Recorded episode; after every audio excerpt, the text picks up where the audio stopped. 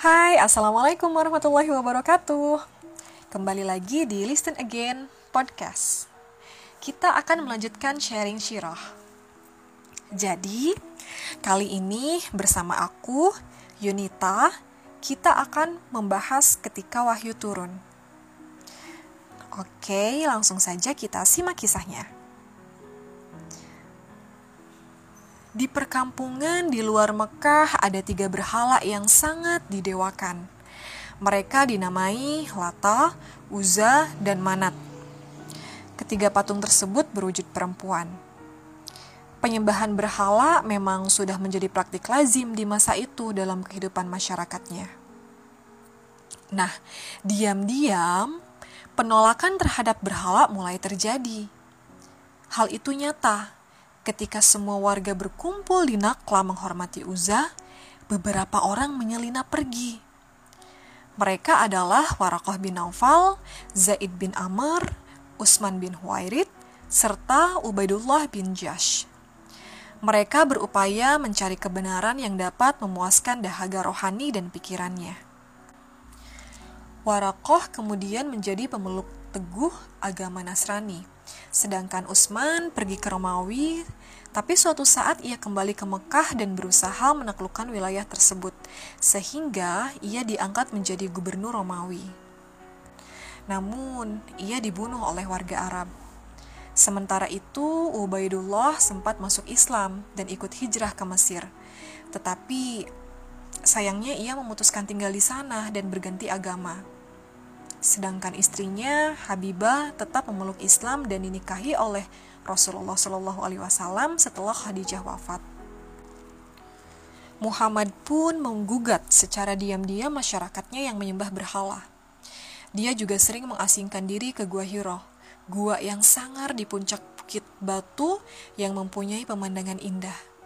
Letaknya 6 km di utara Mekah. Sepanjang bulan Ramadan, setiap tahun, Muhammad selalu berada di sana sendirian, dengan hanya membawa sedikit bekal. Hati dan pikirannya bergolak mencari kebenaran, hingga terjadilah sebuah peristiwa besar dalam masa-masa pencariannya. Saat itu, Muhammad berusia 40 tahun. Pada malam yang diyakini tepat tanggal 17 Ramadan 610 Masehi, Seseorang yang kemudian diketahui sebagai malaikat Jibril mendatanginya di Gua Hiro saat tertidur. Malaikat itu memerintahnya. Bacalah, katanya. Aku tak bisa membaca, jawab Muhammad. Bacalah, desak malaikat itu lagi dengan tangan mencekik Muhammad. Apa yang akan kubaca? Tanya Muhammad pula. Selanjutnya, malaikat itu pun menuntunnya untuk membaca ayat-ayat yang kemudian disebut sebagai wahyu pertama bagi Muhammad Shallallahu Alaihi Wasallam. Bacalah, bacalah dengan nama Tuhanmu yang menciptakan, menciptakan manusia dari segumpal darah. Bacalah, dan Tuhanmu Maha Pemurah yang mengajarkan dengan pena, mengajarkan manusia apa yang belum diketahuinya. Muhammad gemetar, ia segera berlari menuruni gunung, pulang menjumpai Khadijah. Khadijah pun membimbing Muhammad, menyelimutinya di pembaringan serta membesarkan hati suaminya. Wahai putra pamanku, cara Khadijah memanggil Muhammad. Bergembiralah dan tabahkan hatimu. Demi dia pemegang kendali hidup Khadijah.